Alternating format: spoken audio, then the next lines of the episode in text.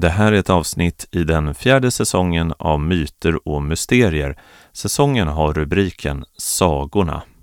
Jag heter Erik Skylt och gör de här programmen tillsammans med idéhistorikern och humanekologen Per Johansson. Hela den här säsongen har finansierats med hjälp av crowdfunding. Innan vi drar igång dagens avsnitt skulle vi därför vilja rikta ett särskilt tack till Hallström PR, kommunikationsbyrån för samhällsbyggare. Stiftelsen Psykosyntesakademin, utbildningar och terapi med plats för själen och din personliga saga. Fria rättsläkarna, för dig som tvivlar på att den medicinska bedömningen är korrekt. Samt Emil Ros av Hjälmsäter. Men nu är det dags för dagens avsnitt av Myter och mysterier.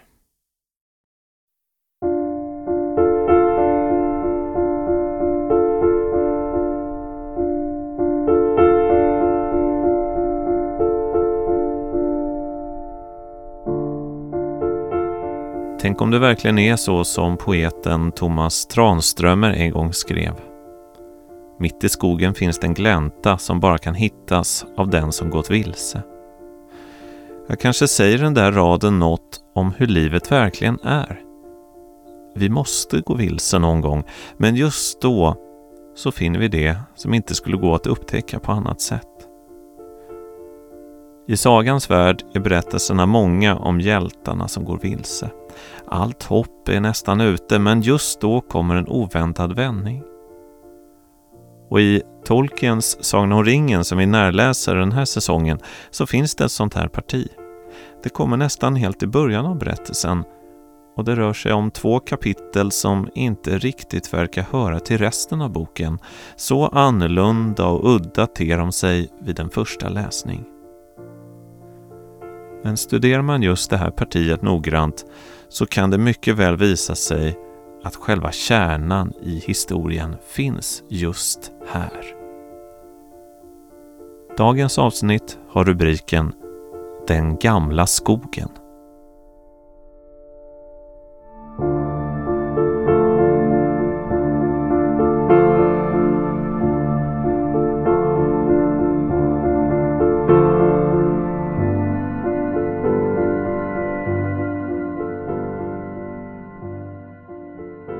I förra programmet så nämnde jag begreppet drömtiden. Alltså det här som samtidigt är en tid i det avlägset avlägset förflutna å ena sidan.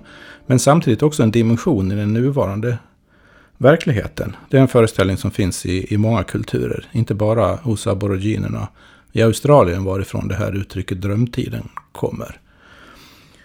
Eh, man kan säga, får man kontakt med den, den här drömtiden, och man kommer in i den, så är man liksom på ett, på ett annat ställe. Även om man på något sätt också är kvar i den här världen.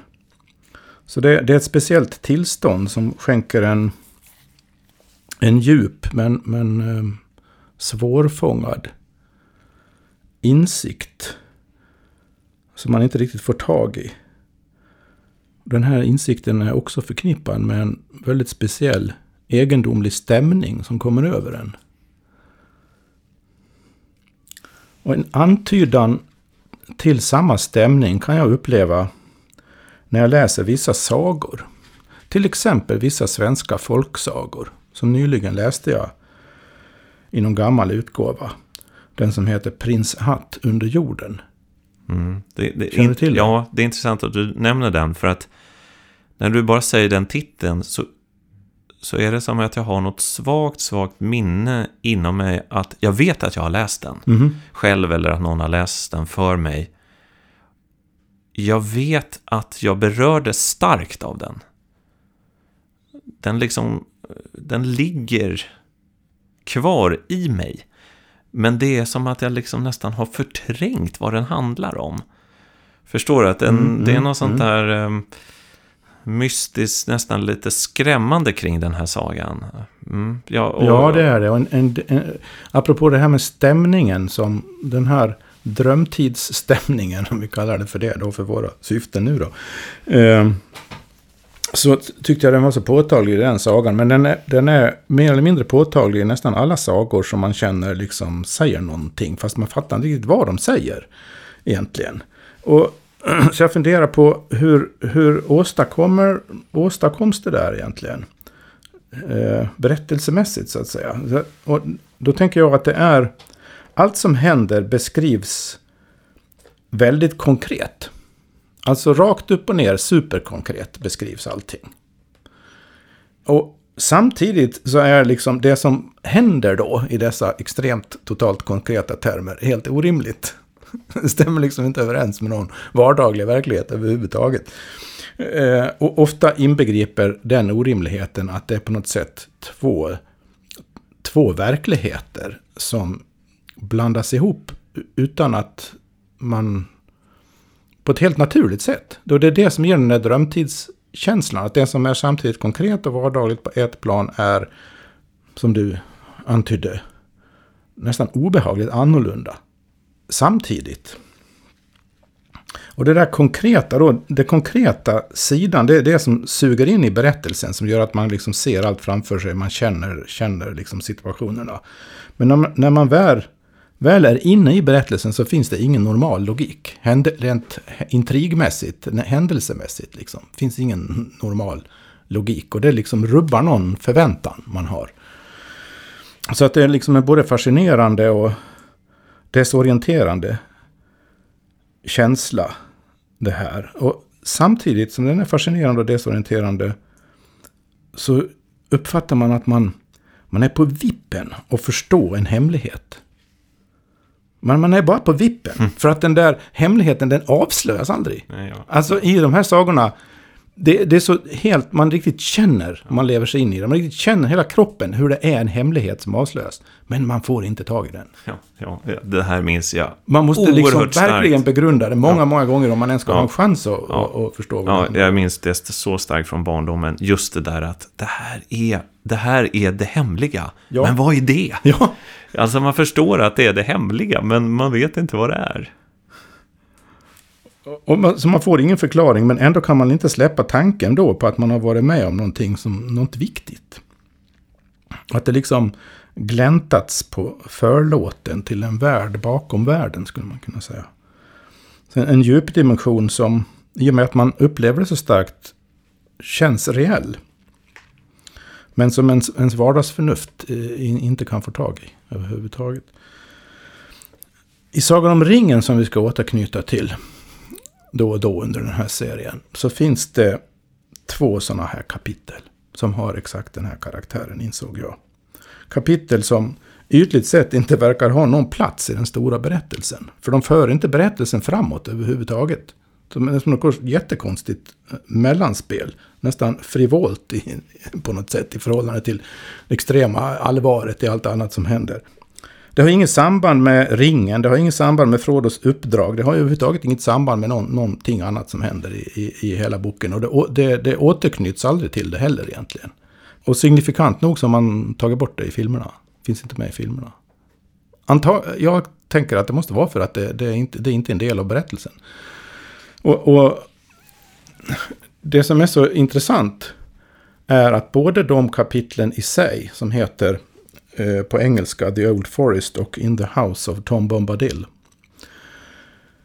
Båda de kapitlen i sig har den här sagokaraktären. Det är ytterst egendomlig. Man får en väldigt egendomlig känsla i de kapitlen. Men också relationen mellan de kapitlen till resten av historien väcker den här egendomliga känslan. För man undrar varför är de där, de där kapitlen överhuvudtaget? Undrar man. Liksom. För de som eh, inte, inte är, har läst böckerna nu då, utan kanske bara sett filmerna, om ens det. Kan inte du berätta vad, vad det är som händer där egentligen? Eh, jo, eh, det är ju så i böckerna att allting går ju mycket långsammare. I filmerna så är det ju att det kommer en hemsk Nazgul på jakt efter Frodo och sen så ber de sig iväg, de stackars hoberna, på flykt. Mm. Och ganska så snart så sitter de på värdshuset i Bri och möter Aragorn. Men däremellan så finns då en, just de här kapitlerna du nämner, och ja, det finns mer därtill faktiskt. Det finns andra händelser som inte heller är med i, i, i någon dramatisering som jag har kommit över. Inte ens i, på 90-talet så gjorde Sveriges Radio en radioteater av hela Sagan om ringen. Och den var sådär 15 timmar lång eller någonting. Och eh, långt efter det så, så träffade jag producenten då och han, han berättade att eh, nej, eh, vi var också tvungna att ta bort de här kapitlen. Vi hade mycket tid på oss, men, men det finns ingenting som driver historien framåt. Det är bara någon slags onödig utvikning. Det som händer är att Frodo och hans vänner Sam, Pippin och Mary bestämmer sig för att lämna fylke. Det hade de egentligen inte tänkt, utan de hade egentligen bara tänkt eh, att de skulle flytta. Eh, och sen så tänkte nog Frodo att han i hemlighet skulle bege sig iväg själv med ringen. Men Sam har liksom skvallrat för de andra att ringen finns. Och då har det utarbetats en plan. Och när de då den, de ser den här på avstånd, den här svarte ryttaren, de förstår att någonting är på gång. Och samtidigt är det nog märkligt att Gandalf, som borde ha dykt upp, inte kommer. Så de tar saken i egna händer och tänker vi måste fly. Men de vågar liksom inte gå på landsvägen. Så de tänker, nej, vi får göra något ovanligt. Något som kanske är dumt också, för att den här vägen ska man ju inte ta. Och det är vägen genom gamla skogen. Och eh, det finns då en häck som hoberna har eh, odlat upp mot gamla skogen. För det antyds att för länge, länge sedan så kom det något farligt från skogen som man ska hålla borta. Så vi har den här häcken för att hålla liksom det där mörkret på avstånd. Men i häcken finns då en passage och där tar de sig igenom. Och när de lämnar Fylke och träder in i skogen så byter de ju också verklighet. Alltså, de träder in i sagans värld. Sen är frågan om de är kvar i sagans värld i hela resten av böckerna. Det tror inte jag, utan jag tror att just de här kapitlen är sagans kapitel. Och eh, de går i skogen. Det känns lite kvavt och läskigt. Den är väldigt gammal och känns nästan som att träden lever. Och sen inte så... särskilt välvilliga nej, känns de heller. Nej, verkligen inte. De är liksom sura. De mm. gillar inte inkräktare. Och så är det någonting som de har hört att man ska inte gå ner i någon dal där det finns en flod. Där är, liksom, där är mörkret som värst. Men de går förstås vilse och hamnar där ändå. Och där finns det ett riktigt farligt träd som då, eh, ja, för att göra en lång historia kort, eh, håller på att ta livet av dem på olika sätt. Ja, på engelska heter det träd Old Man Willow. Just det, gamle pilträdsgubben ja. tror jag det är på blir svensk översättning. Och jag tror, någon av hoberna håller på att bli dränkt av en gren som drar ner under vattnet och en annan blir liksom uppslukad av en öppning. Ja, nej, i... Vad som hände var att, att de blir, innan, innan det här händer så blir de fruktansvärt sömniga. Ja, just det. Mm. De, de, kan knappt gå. Nej, just det. Och, och Mary och Pippin de säckar ihop och lutar sig mot den här gamla pilträdsgubben. Just det, det är De så vet det. inte att det är Old Man Willow då, nej, utan bara ett träd de råkar hamna bredvid. Och så, eh, en av dem, jag minns inte vilken, plötsligt liksom öppnar sig en, en, en öppning i trädet så sugs, om det är Mary eller Pippin, sugs in. Mm, just det. Och, och, så, och så börjar den andra också sugas in och så stänger det igen. Så halva Mary, eller vem det nu var, är utanför, kvar utanför. Precis, och de försöker göra allt de kan. Det är någon av dem som gör upp en liten eld. Och, och ja, Sam, just det. Precis, han, han, försöker liksom elda upp trädet. Men då bara kniper trädet åt mer. Så att ja. de ropar där inifrån, sluta elda, han håller ja. på att knipa sönder mig. Och då blir de alldeles utom sig, Frodo och Sam, och de ja. springer iväg liksom, hjälp, hjälp, hjälp! Och då hör de på avstånd först en, en, en, någon som kommer gående och sjunger någon nonsensvisa. Just det. Mm. Glatt. Alldeles glatt och obekymrat sjunger en nonsensvisa. Ja. Och så springer de mot den rösten och de hör den här då. Och, och, och, då är det den här figuren Tom Bombadil som kommer. Han är på väg hem eh, till sitt hus. Och så eh, ser han de här hoberna komma springande då. Och så säger han Nej, stopp, stopp, stopp där, säger han, höjer handen. Och i samma ögonblick som han höjer handen så tvärstannar de och blir som förstenade. De liksom, det är precis som han höjer handen och så kan de inte ta ett steg till. Och vad är det här nu då? Vad är det som händer? Och så, för, nu ska vi inte berätta hela historien, men detta är alltså, det är så här den här Tom Bombadil som bor där i gamla skogen dyker upp på det här mm. sättet. Och han befaller Old Man Willow att släpp ut dem. Vad håller du på med gamle stöt? Mm. Så får du inte göra. Mm.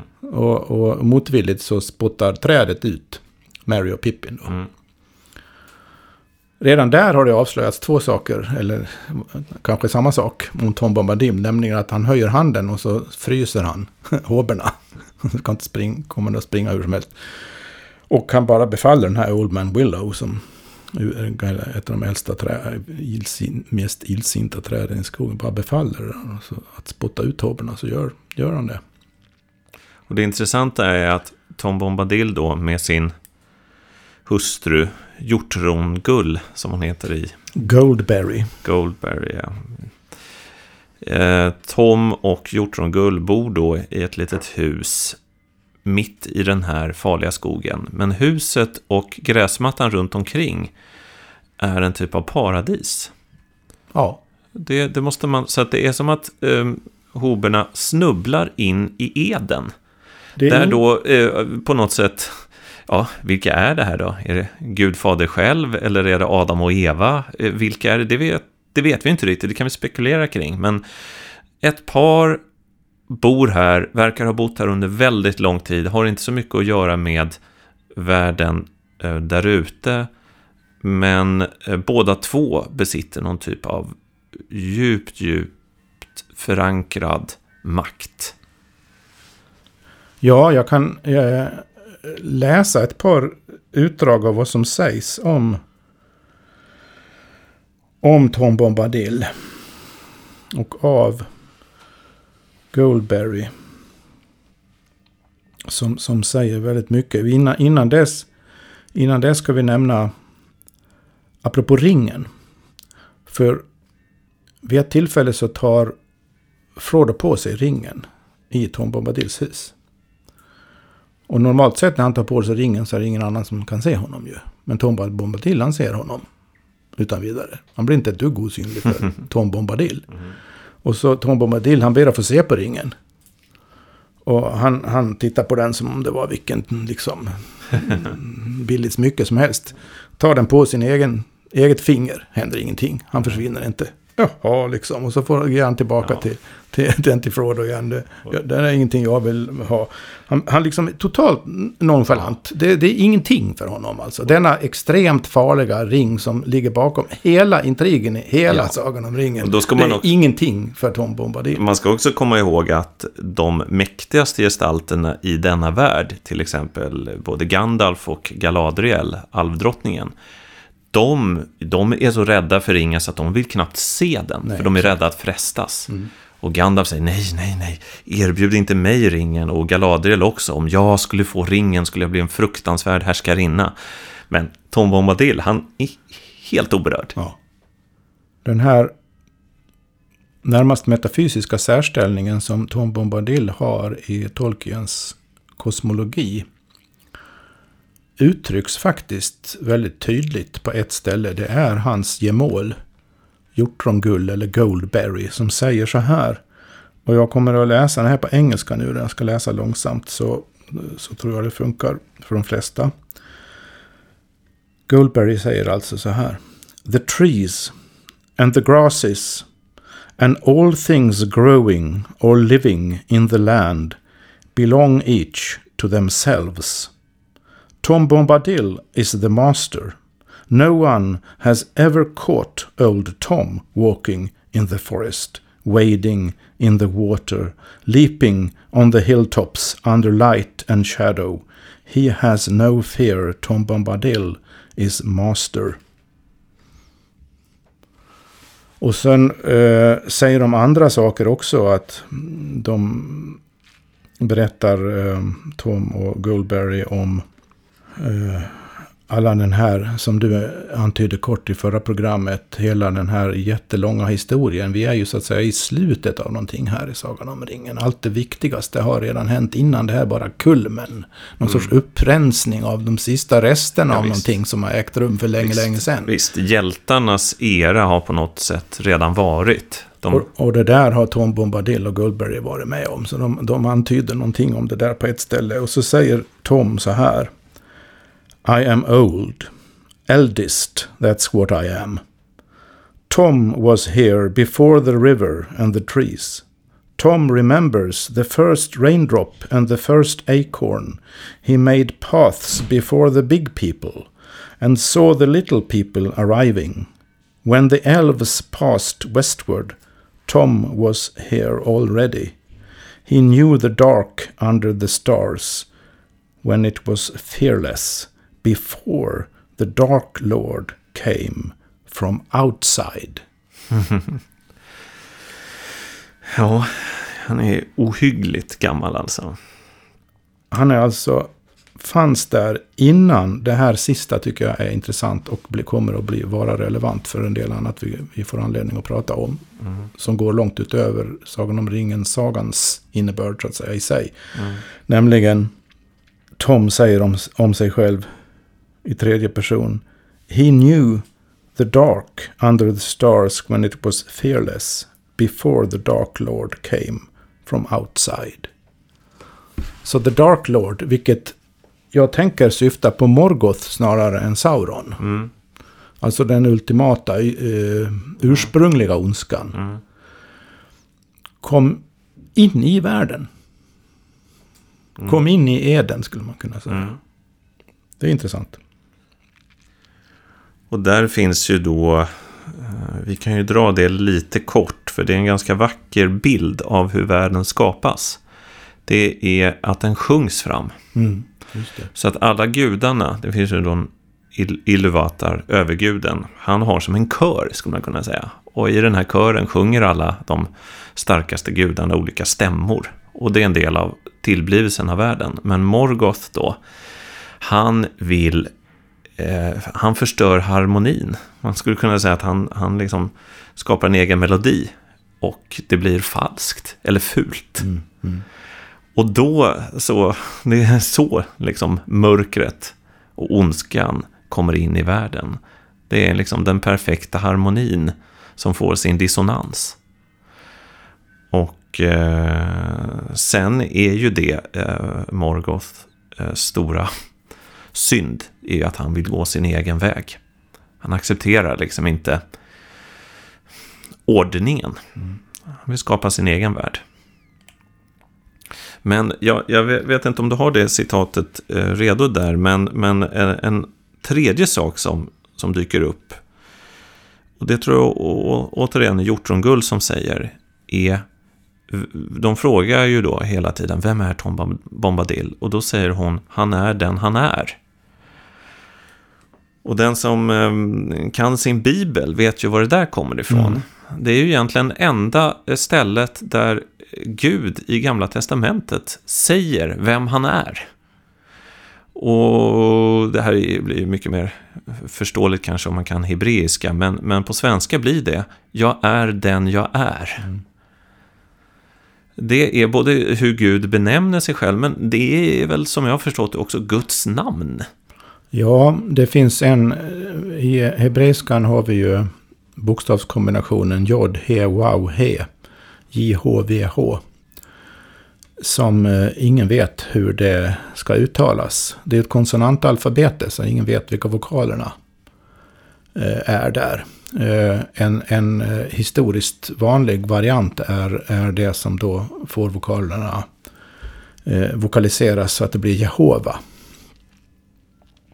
Men i, i eh, hebreiska, eller vad säger jag, i judiska ritualer än idag så uttalar man aldrig det här namnet heller. Och det finns vissa traditioner säger att man har glömt bort hur det uttalas. Andra traditioner säger att i vissa hemliga sällskap så vet man hur det ska uttalas och så vidare. Och en, en, en lite mera akademiskt förslag till hur det ska uttalas är då Javé. Vilket eh, kanske inte heller är, är rätt. Men det finns en en teori som går ut på att den här bokstavskombinationen har i princip innebörden jag, jag, jag är den jag är. Att den skulle kunna över, om den vokaliseras på ett visst sätt, skulle kunna översättas så. Mm. Och det är då, eh, det här kommer från konversationen mellan Gud och Moses vid den mm. brinnande busken. Just det. Som är ju då när hela Moses gärning tar fart. Det är intressant också på det, apropå det här med att världen sjungs, sjungs till, så att säga. Världen blir till genom att sjungas fram. Det kan man läsa i Silmarillion som är, liksom, innehåller mycket av den här djupare bakgrundshistorien. Som, allt som hände innan Sagan om ringen, inklusive själva skapelsen då. Det intressanta är ju att är det någonting som präglar karaktären Tom Bombadil i boken så är det att han sjunger och sjunger och sjunger. Ja, det och han sjunger tram, tramsiga ja, visor det, egentligen. Ja, Vissa av dem kan man liksom med lite god vilja tolka in lite djupare symbolisk innebörd. Men i stort sett är det bara tralalalala. Eh, eh, otroligt fryntlig och glad och totalt obekymrad. Och, och ringen har ingen inverkan på honom och så vidare. Mm. Så att det Alltså det är ett ytterst egendomligt inslag mm. det här. Mm. Och just därför är det liksom värt lite eh, diskussion. Uh, dels för alla Sagan om ringen fantaster naturligtvis. Men, men, men också lite grann för hur det här med berättelser funkar. Och, och hur man berättarmässigt åstadkommer eller väcker en, en associationer och reaktioner och känslor som liksom lyfter en ur berättelsen i berättelsen. Alltså en sorts metanivå i berättelsen eh, eh, ser jag de här kapitlen som. Och den, det, det berättargreppet i sig, menar jag, har att göra med, eller så här, det, det åstadkommer hos den mottagliga läsaren den här, det här egendomliga skiftet från vardagen fast man är kvar i vardagen. Som jag sa inledningsvis apropå drömtidsresonemanget. Och, och, lite av den funktionen känner jag att de här kapitlen har i förhållande till hela eh, Sagan om ringen. Berättelsen. Det är liksom tolkens sätt att i form av ett, ett sånt här udda berättelseinslag peka på den här metanivån. Någonting som faktiskt lyfter alltihop ut ur hjältevandringen. Ut ur den ödesmättade konflikten som allting verkar handla om. Under den finns detta. Mm. Jag tror ju att eh, jag ska spara de st största orden till, till eh, slutet av dagens samt samtal. Men jag tror ju att eh, om man vad ska man säga, om man löser hemligheten med Tom Bombadil och hans hus där i skogen, så har man på något sätt förstått allt vad Tolkien vill säga. Samtidigt som man, och det här, ja nu kommer de stora orden ändå, har förstått någonting väldigt, väldigt viktigt om vår värld. Och allt som har med mytologi att göra. Och, men det, sen måste jag lägga till i, i, i samma anda som, som du inledde. Jag har inte förstått det riktigt. Jag har, har liksom funderingar, så det är inte så att jag sitter inne med, med svaret, men jag känner på mig att mm. löser man det här, då har man liksom kommit väldigt långt. Det är lite som du och jag när vi gör, eh, pratar om Bibeln, så brukar jag ofta återkomma till att om man löser det här med vem ormen är och vad som händer just där i syndafallet, då har man liksom förstått allting. Och det är antagligen bara en typ av personlig insikt det handlar om. Att man, det måste, någonting måste falla på plats för att man ska inse det. Men man känner ju att det här är, det är centralt för allt.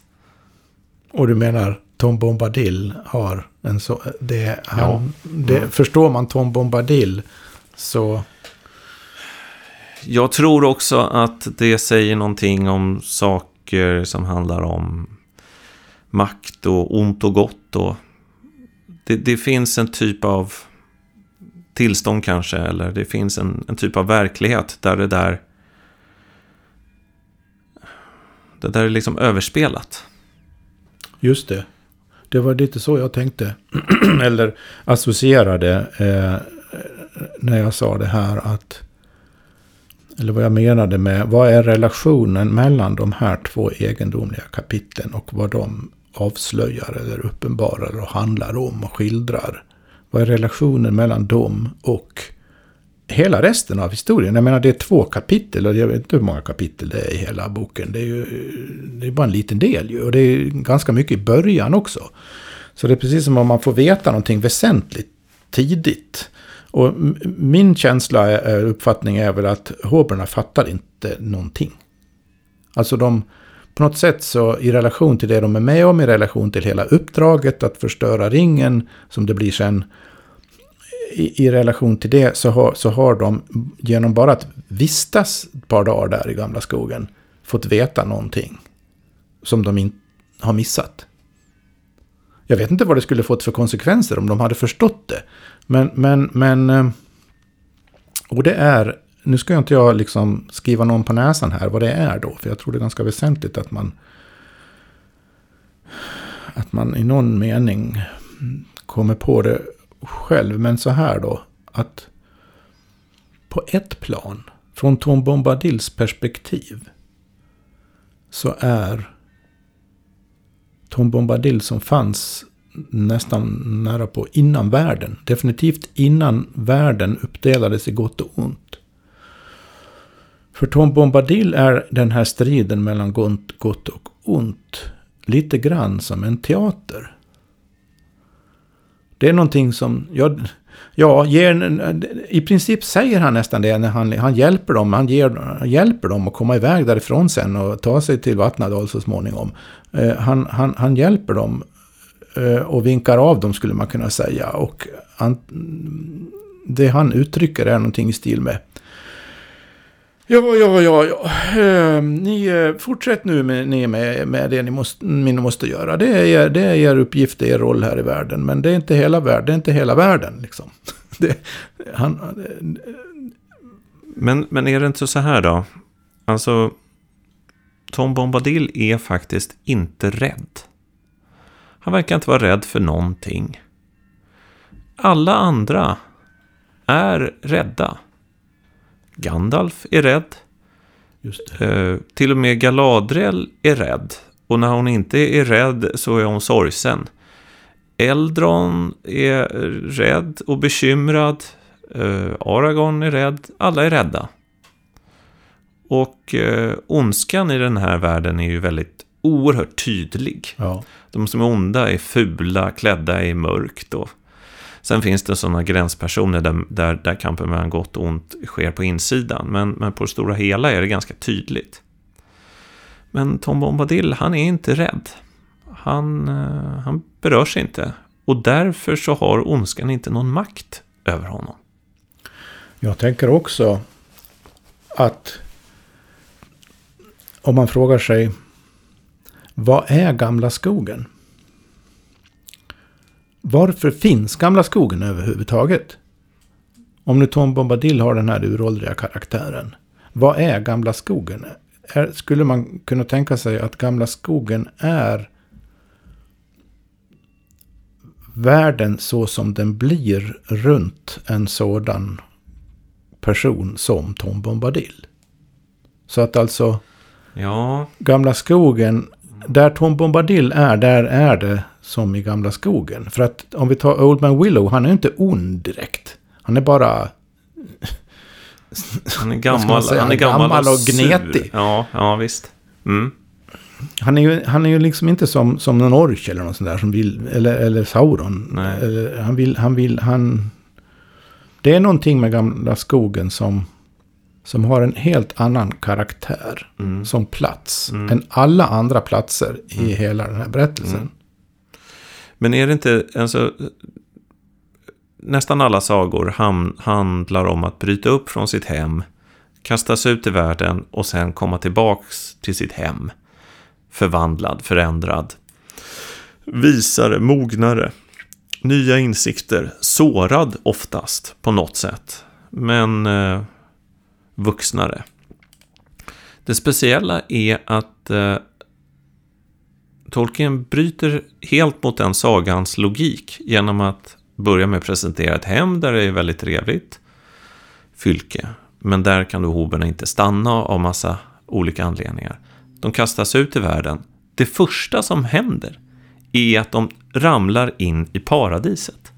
Det är otroligt udda. Ja, det är det verkligen. För att det är faktiskt Eden, det här på något sätt. Sen om det är Adam och Eva eller Gud själv som bor där med sin hustru, det, det vet vi inte riktigt. Men, men det är en, en himmelsk plats. Jag tror nästan alla människor skulle vilja bo där. De skulle vilja ha den där sorglösheten. Den där sorglösa gästfriheten i, hos mm, Tom Bombadil och Goldberry är ju också så, skildras också väldigt fint. Alltså man, man riktigt känner med hoberna hur de, efter att ha varit förföljda av svarta ryttarna en tag, eh, slappnar av och andas ut och, och så vidare. Och, och skulle mycket väl kunna stanna, stannat kvar där och sluppit alltihopa, skulle man kunna säga. Så att det är också, som jag sa innan, att det, det är som om de inte förstod en viss sak. Men å andra sidan förstod de en annan sak och det var att de kunde inte stanna där. Nej. De var tvungna, fast de antagligen kände att här är gott att vara. Så visste de att nej, vi kan inte stanna här. Vi måste ge oss ut i den här andra verkligheten. Här, I vardagen igen, skulle mm. man kunna säga. Som är farlig. Och där man har ett uppdrag. Men och den... det visste Tom Bombadil också. Ja, det protesterar han ju inte Inte mot. Dugg. Nej. Men det intressanta på ett mer andligt, personligt plan är att jag känner när jag läser de här kap kapitlen att innerst inne i min eh, djupaste kärna så är jag Tom Bombadil. Ja, ja. Det, det känner jag. Ja. Att, alltså det är både som målbild men också som att det, det vilar en sån i mig. Jag vet inte om det gör det i alla, men, men, men jag skulle när jag ser då hur, hur jag skulle vilja bli gammal så är det på det här sättet. Jag skulle vilja ha det här förhållandet till, till världen och mina medmänniskor och naturen och ja, det är någon...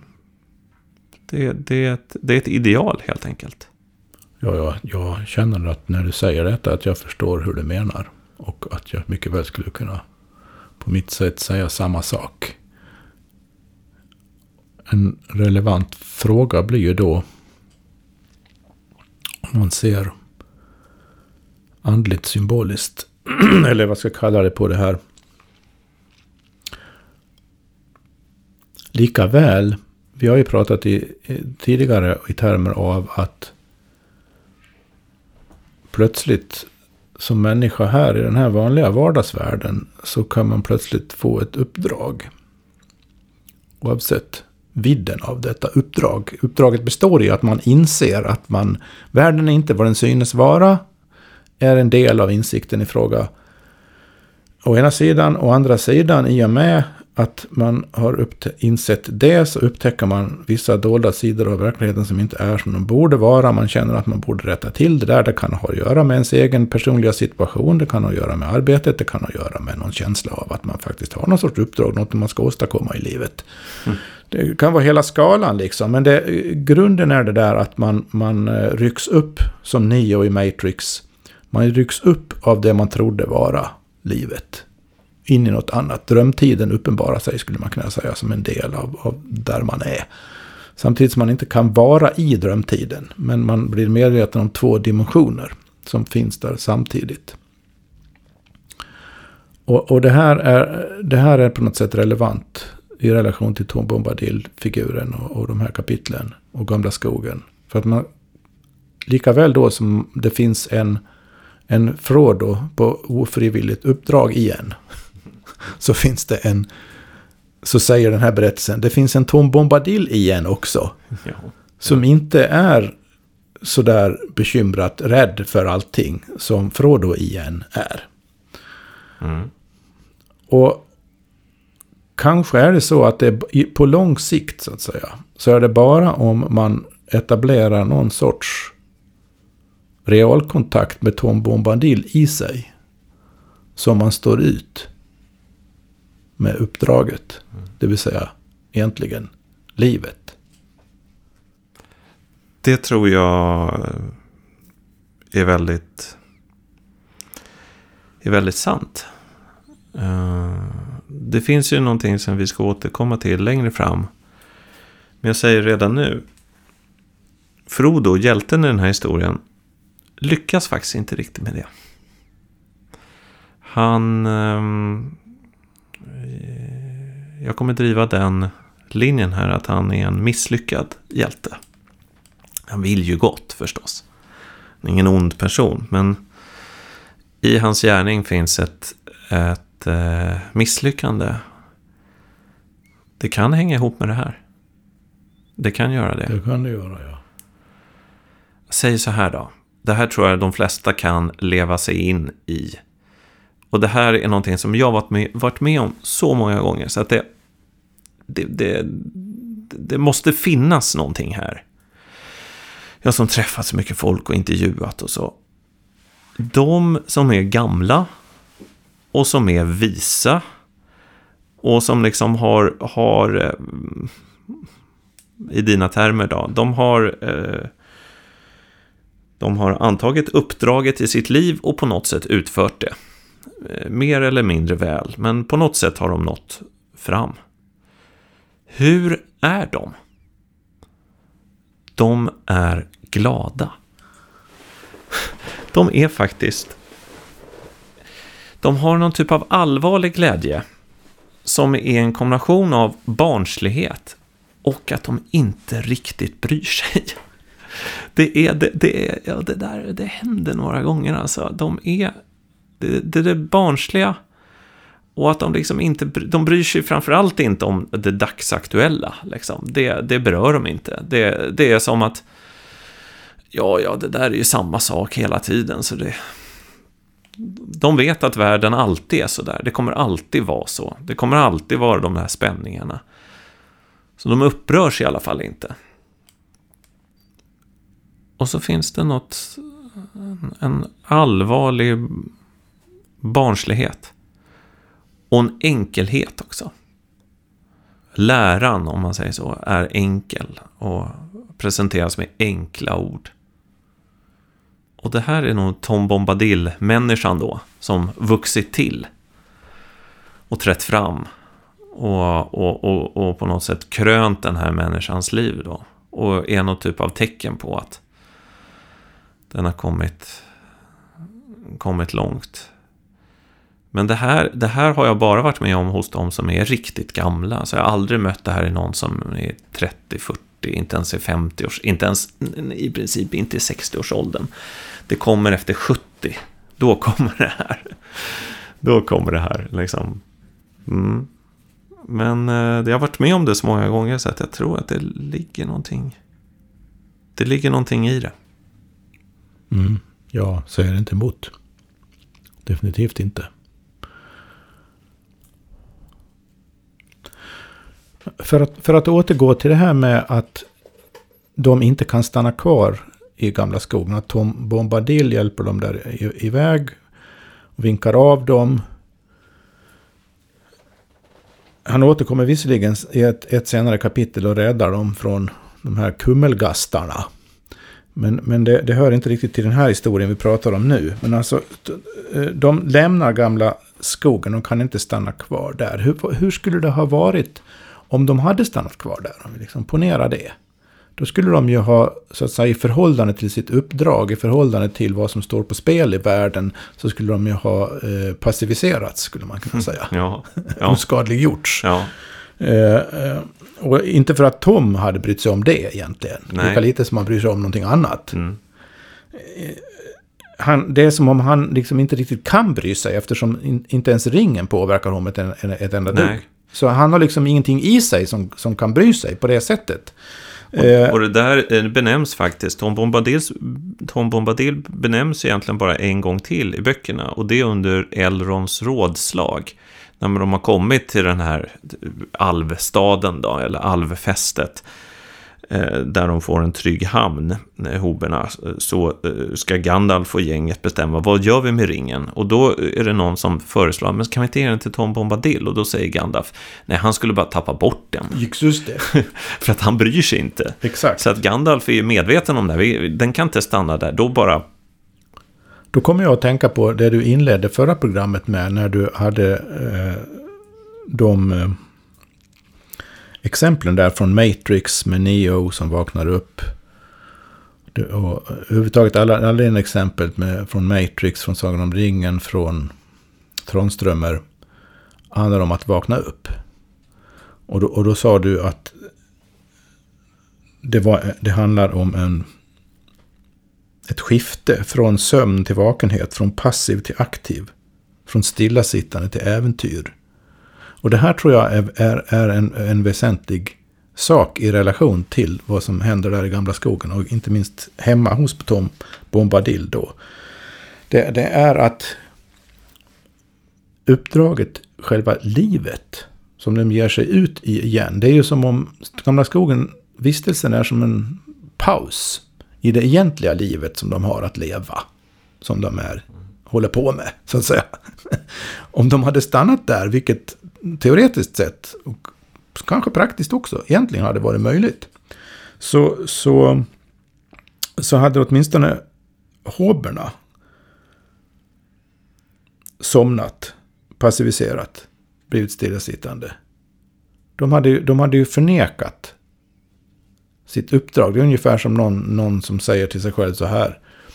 När man, när man känner sig less på allting på något vis. Nej, nu skiter jag i det här. Det vill säga att leva. Nu sitter jag här i soffan och käkar chips och tittar på tv resten av livet. Eller vad man nu gör för någonting när man är helt passiv. Där tror jag det också finns någon, någon, någon poäng i det här. Det är ju också det, det första som drabbar dem när de kommer in i gamla skogen, är Just, ju sömnen. De söm, somnar, ja. Mm. Exakt. Och uppslukas av skogen. Till och med det. Bokstavligen. Ja. Ja, det är kolossalt många bottnar i de här kapitlen. det, det, man ska komma ihåg också i Tolkiens värld, det är att naturen har en typ av särställning. Mm. Den är oerhört gammal. Mm. Allting är ju gammalt, men det äldsta är träden och naturen. Mm. Och det finns en annan skog. Det finns ju några av de gamla skogarna. Mörkmården, Gamla skogen och Fangorn. I Fangorn bor ju enterna fortfarande. Det är de som är som trädvarelser i princip. Och de är eh, Lavskägg heter ju deras ledare. Han omtalar ju trollkaren Saruman på ett väldigt roligt sätt. Saruman som är uråldrig, han också. Men eh, eh, Lavskägg kallar honom Unge Saruman. Just det. Lite nedlåtande sådär. Som att det är någon slags pojkspoling. pojkspoling. Vad håller han på med? Varför är han så jobbig?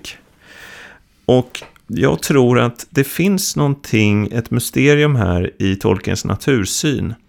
Som också då gestaltas i Tom Bombadil, som är då ett med naturen i princip. Det är att detta är världen innan syndafallet. Det är det de får se när Tom tar ringen och ingenting händer. Efter syndafallet så inleds den här kampen i världen och i människan mellan gott och ont, rätt och fel. Kampen för att komma tillbaka till Eden. Men innan syndafallet så är det mer som i naturen. För ett träd finns inte så mycket gott och ont. Det bara är. Mm, mm. Och Tom Bombadil är så ovanligt som en varelse från tiden före fallet. Vilket han själv i ditt citat också antyder, före ondskan. Mm. Och det där är... Vi, vi, vi, kommer inte hinna utveckla det fullt ut, men vi kan bära med oss det. För att det finns ju en urgammal mytologisk religiös gåta som handlar just om dualism. Och då säger man ofta att om, om, om man delar upp världen i gott och ont, då blir det en, en dualistisk värld. Den gode, eh, go, gode guden slåss mot den onde guden. Men de stora religionerna brukar ofta, och även Tolkiens värld, är i grunden monoteistiska. Det finns ett, en, källan är en. Det finns en enhet. Sen så det mörka fick plats i den källan på något sätt. Eller kunde utvecklas. Men även Morgoth i det här eh, universumet är ju skapat av den ursprungliga jag, jag tänker att det är lite mer komplext då. Ja. Um, För att vi får inte glömma Goldberry nu, eller eh, hjortrongull. De, de, är ju två, mm. de är ju ett par, en manlig och en kvinnlig mm. gestalt. Mm. Just det. Så att om mm. Tom är uråldrig så är Goldberry lika uråldrig. Absolut. Och det verkar som om allt, allt Tom håller på med där i gamla skogen, det går ut på att glädja Goldberry. Ja, det stämmer. Det är det enda han, han gör. Ja, absolut. Han har inget annat för sig nej. än att göra henne nej, glad. Nej, det är sant. Eh, på alla möjliga vis. Och, och, det där skildras också väldigt fint i, i, i, i ett mm. kapitel här. Och så om man, om man antar att Tom är urfadern så är eh, hjortrongull urmodern. Fast fader och moder stämmer inte heller. De är principer snarare. Mm. Det vill säga, det är inte monoteistiskt, absolutistiskt monoteistiskt, mm. utan det är eh, polärt. Egentligen. Ja, mm, mm. Och sen säger Tom en sak också som är väsentlig apropå ondskan. Han säger att ondskan kommer from outside. Det vill säga den, den har antingen trängt sig in eller släppts in mm. i världen. Mm. Och när den väl har kommit in, då uppstår den här dualismen mellan, den moraliska dualismen mellan gott och ont. Just det. Och det, det som kännetecknar då det onda är ju att det bara är destruktivt. Ja, och det är fult. Det är fult. Ja. Destruktivt.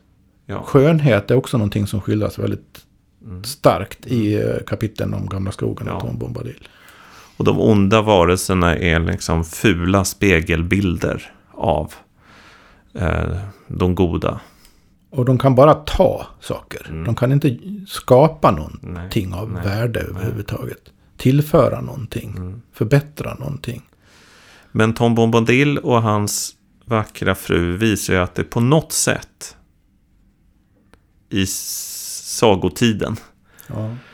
går att ställa sig utanför det här. Den här eviga polariteten. Precis. Och det... inte beröras av den.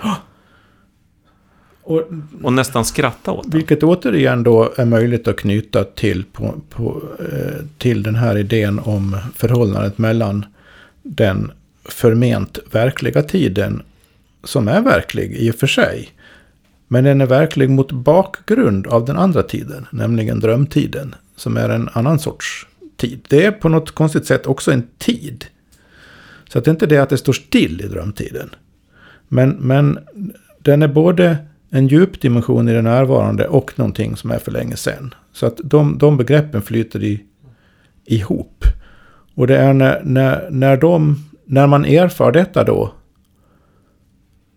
som man får kontakt med både å ena sidan kampen mellan gott och ont. Som vilket uppdrag man än har alltid handlar om det på något sätt. Det är det ena man får kontakt med. Men man får samtidigt, om man ska ha någon kraft att genomföra det där uppdraget på ett skapande sätt överhuvudtaget. Så behöver man också ha kontakt med den andra dimensionen som i Sagan om ringen då i så fall representeras av inte bara gamla skogen i sig utan snarast närmast av det här paret. Mm. Tom och Goldberry. Mm. Men tror du, eh, så här mot slutet då. Tror du att det går att vara... Hur ska den här sorglösheten då nås? Alltså det... Det är för mig lite av ett mysterium hur vägen dit Ja, jag tror att den sorglösheten är inte målet. Sorglösheten, är, alltså glädjen, mm. är förutsättningen mm. för hjältedåden. Mm. De verkligt metafysiskt meningsfulla hjältedåden, eller vad vi nu ska kalla dem. Ja. Av, av, av Sagan om ringens storleksordning. Den sortens okay. hjältedåd mm. är liksom genomförbara. Mm. Bara om, om, om, om, om man har en förtröstan mm. och tillit i sig mm. också. Nu ska jag säga några slutord här som jag tror är väldigt sanna. som jag kom på nu. Utifrån vad du sa här.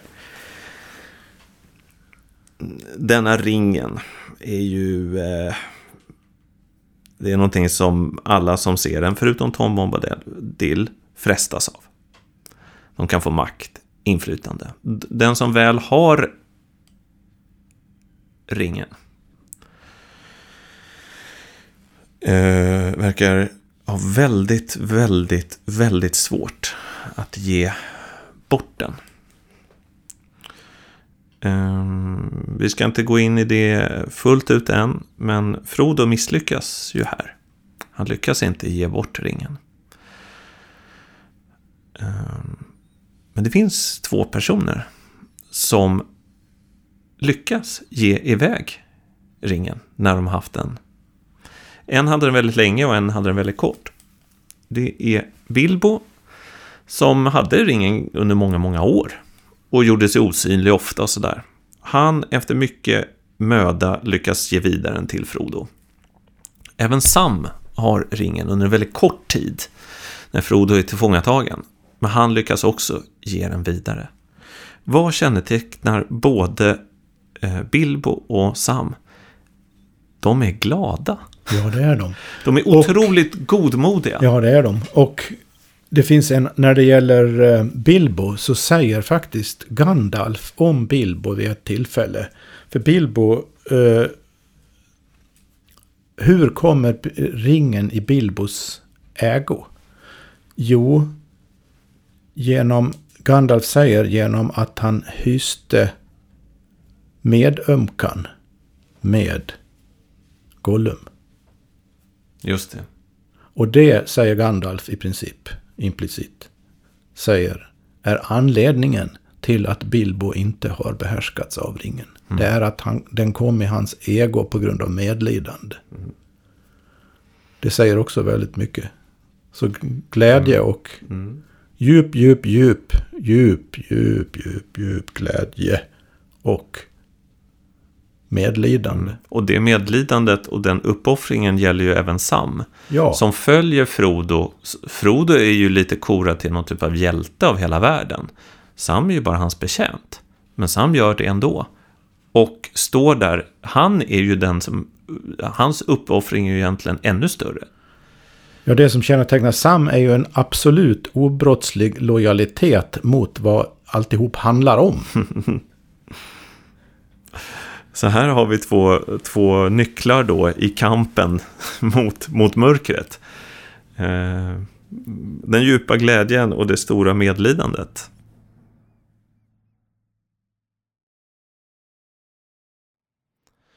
Du har hört ett program om myter och mysterier.